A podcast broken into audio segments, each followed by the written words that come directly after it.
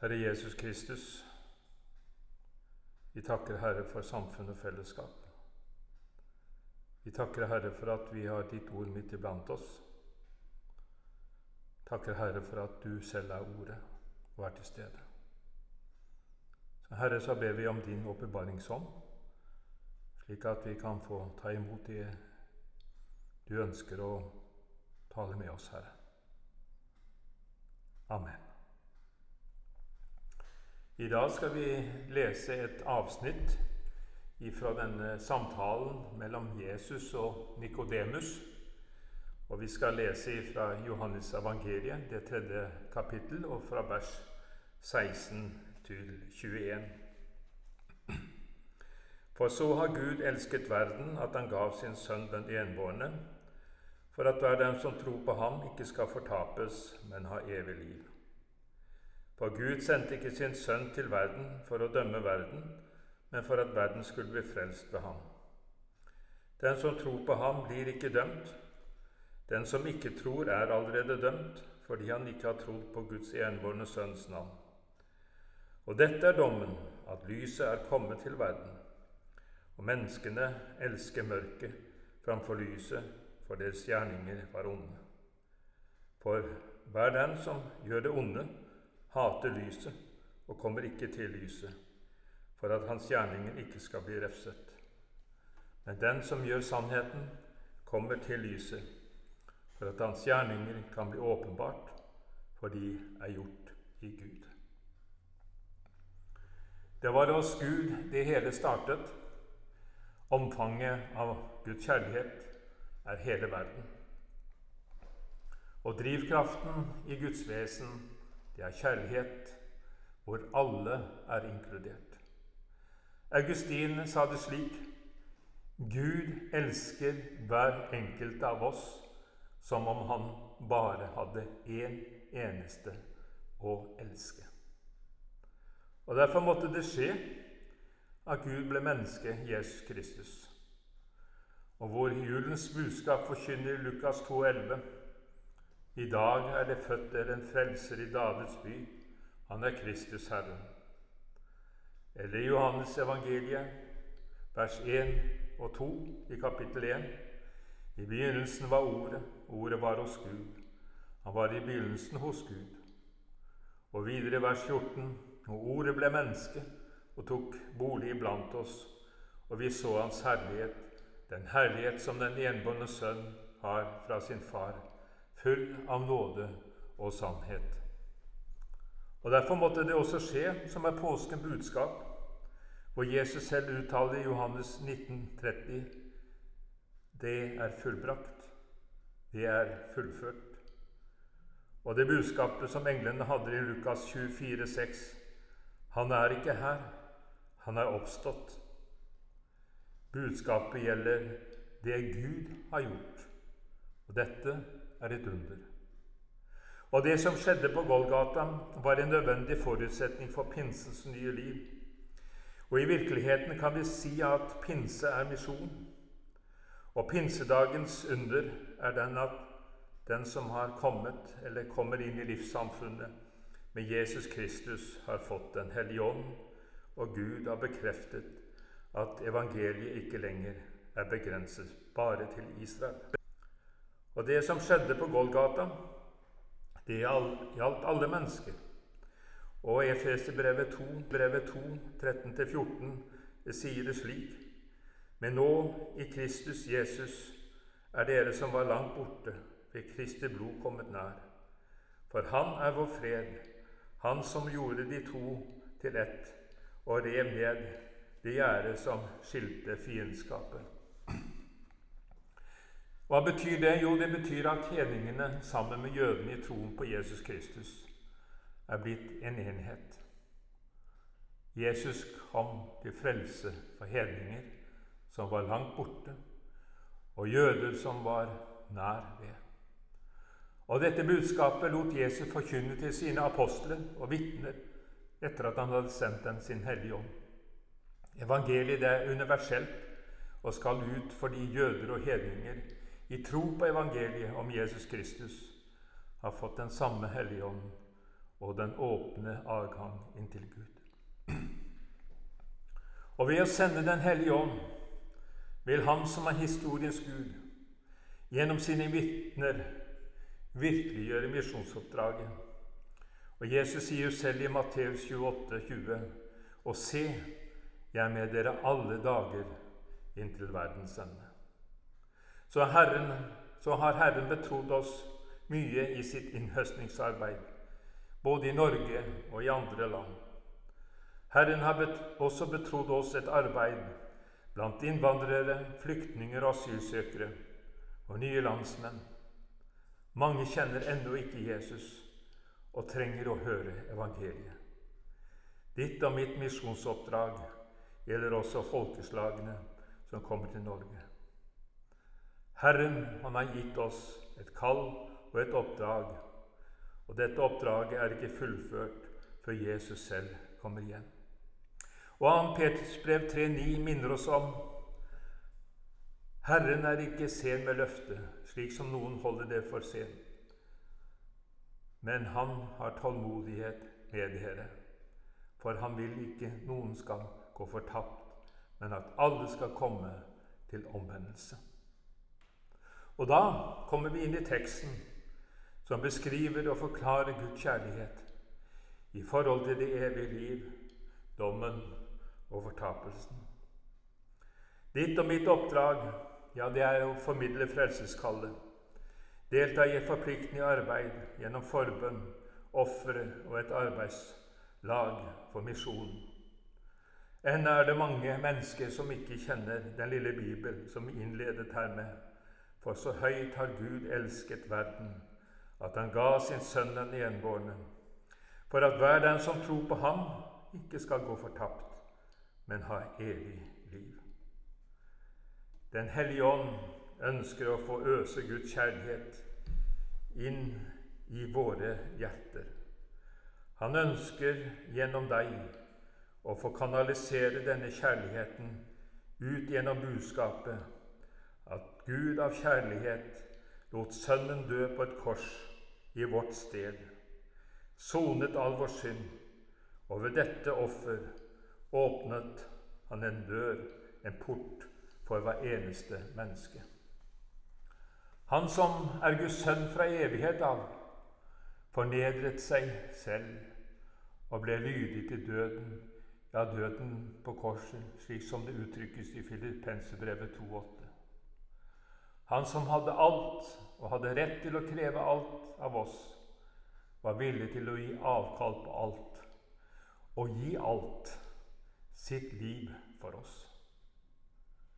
Jesus han døde ikke på en nøytral og verdig måte, men han døde på et kors. Og for romerne var det et dødsredskap for forbrytere og landssvikere. Men for jøder så var det et uttrykk på å være under Guds forbannelse. Og det var nettopp det Jesus var, for vår skyld. Dette taler Galaterbrevet 3.13 om.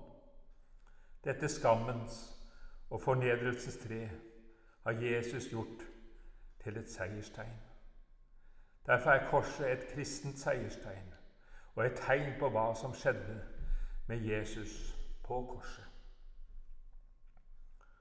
Ligger, hvor ligger sentrum av Guds verdensmisjon?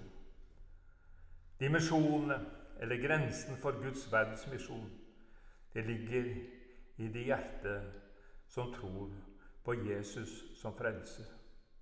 Da bygger Jesus et Guds rike av mennesker som er kommet til tro på ham. For lengst avdøde kinemisjonær i Norsk Luthersk Misjonssamband, Asbjørn Aavik, sier, og han sa det slik Misjon er nemlig gjenkjærlighet. Misjon er nemlig gjenkjærlighet. Det å få gi noe av seg selv tilbake i takknemlighet og kjærlighet, hva du selv har mottatt. Og det er nettopp hva misjon er. Enten det er innen mitt hjemlands grenser eller videre ut i verden. Den avhenger av Guds fylde i våre liv og det vil si i vår sammenheng her, hvor mye plass Den hellige ånd har fått i våre hjerter. Han øser nemlig Guds kjærlighet inn her, i forhold til den plass jeg gir ham. Åndens fylde gir ikke bare dyp glede og helle fred. Fylden er med oss å skape dette, nemlig hellig uro for verden. Og denne uro for verden, ja, den stiger og synker i forhold til hvor Ånden får anledning å øse inn i våre liv. Enten er jeg en som setter grense for Jesus, eller en grenseflytter for Jesus. Og dette er noe å tenke på. Israelsfolket fikk konkret oppleve Guds kjærlighet og under i sin, og under i sin ørkenvandring. Og En slik beretning finner vi i 4. Mos 21, versene 5-9. Gud ordnet og fant en utvei for den som var, for den som var bitt av de giftige slanger. De fikk leve når de så opp til kobberslangen. Og Johannes 3, 14 og 15 forteller også om dette. Og like som Moses opphøyet slangen i ørkenen, slik skal menneskesønnen bli opphøyet, for at hver dem som tror på ham, skal ha evig liv. I utgangspunktet var alle dødsdømte. Og slik er det også for den som i tro får se opp til den korsfestede Jesus Kristus. Han ordnet og fant en vei for at du og jeg ikke skulle gå fortapt. Så høyt elsket Gud deg. Og I 1. Johannes brev 4,10.: I dette er kjærligheten, ikke at vi har elsket Gud, men at Han har elsket oss og sendt sin Sønn til soning for våre synder. Og går vi til Johannes 8, versene 31 og 32.: Dersom dere blir i mitt ord, da er i dere sannhet mine disipler. Og dere skal kjenne sannheten, og sannheten skal frigjøre dere. Jeg trenger å bli ransaket i sannhetens lys, slik at jeg kan bli bevart i troen på Jesus Kristus.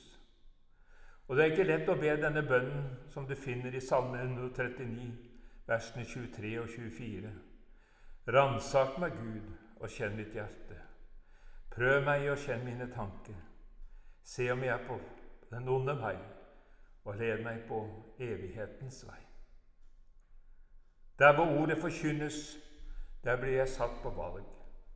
Og det er Guds hellige ånd som bevirker dette gjennom sitt eget ord. I Johannes 16, 8, 9 og 10 og 11 står det Og når Han kommer, altså Den hellige ånd, skal Han overbevise verden om synd og om rettferdighet og om dom. Om synd fordi de ikke tror på meg. Om rettferdighet fordi jeg går til Faderen og dere ser meg ikke lenger. Dommen er at denne verdens fyrste er dømt. Dagens mennesker opplever at ordet blir til dom fordi ordet om Jesus ikke tas imot, og Guds kjærlighetshandling i Kristus Jesus forkastes. Jesus som ble sendt av kjærlighet, er for mange blitt en dom. Det som skiller, ja, det er en tro på Jesus eller ikke. Og Johannes 3, 36 sier det slik.: Den som tror på Sønnen, har evig liv. Men den som ikke vil tro på Sønnen, skal ikke se livet, men Guds vrede blir over ham. Dagen vil komme, den som forkaster Guds kjærlighetshandling i Kristus Jesus, må erkjenne det som står i Filippenserbrevet 2, 10-11, 10 og 11, for at hvert kne skal bøye seg i Jesu navn, i himmelen på jorden og under jorden, og hver tunge bekjenne til Gud Faders ære, Jesus Kristus er Herren. Det nye livet som er skapt av Gud, vil at det skal leve i lyset. Og det å leve i erkjennelse av hva man egentlig selv er. Og det er ikke kommet forbi at det er en sammenheng mellom et menneskes tro og dets gjerninger. Dvs. Si det ytre livet, som er følgen av det indre livet. Og Dette er også virkelig noe å tenke på. Og Jesus han sier om seg selv i Johannes 8,12.: Jeg er verdens lys. Den som følger meg, skal ikke vandre i mørket, men ha livets lys. I Jesus Kristus er Guds hellige lys og Guds kjærlighetslys åpenbart. Dette lys er avslørende. Den som holder Jesus på avstand, vil ikke være under dette lyset med sitt liv. Han ønsker ingen lyskaster satt på seg når det gjelder forholdet til Gud. Og Vi leser tidligere fra Salme 139, vers 23.: Ransak meg, Gud, og kjenn mitt hjerte. I møte med Jesus så viser Den hellige ånd hvem jeg er, gjennom sitt eget ord, Guds ord. Hva er Åndens samfunn? Et Åndens samfunn, det er en hellig nærhet til hverandre og til Jesus, hvor det ikke ligger noe uoppgjort mellom Jesus og deg eller til hverandre. Vi har en natur som gjemmer på det onde. Vi har en natur som er uvillig å glemme. Vi har en natur som går utenom et redelig oppgjør. Og dette får meg lenger og lenger inn i mørket, hvis ikke det guddommelige overlyset får gjøre sin gjerning. Og Derfor trenger jeg daglig jeg trenger daglig med ordet å bli både gjennomstrålet og gjennomvarmet. Og når skjer det? Jo, det skjer når jeg får leve i Jesu nærhet med mitt liv. Det tåler lyset ifra Guds ord. Det er tale om som redder ifra syndens makt og herredømme. Et oppgjør. Johannes 1, 12. Men alle dem som tok imot ham, dem gav han rett til å bli Guds barn. De som tror på hans navn, altså Jesus. Altså, det er troen på Jesus Kristus som er helt avgjørende. Vi skal be Herrens bønn sammen. Vår Far i himmelen. La navnet ditt helges. La riket ditt komme. La viljen din skje på jorden slik som i himmelen. Gi oss i dag vårt daglige brød, og tilgi oss vår skyld, slik også vi tilgir våre skyldnere og la oss ikke komme i fristelse, men frels oss fra det onde. For riket er ditt, og makten og æren i evighet. Amen.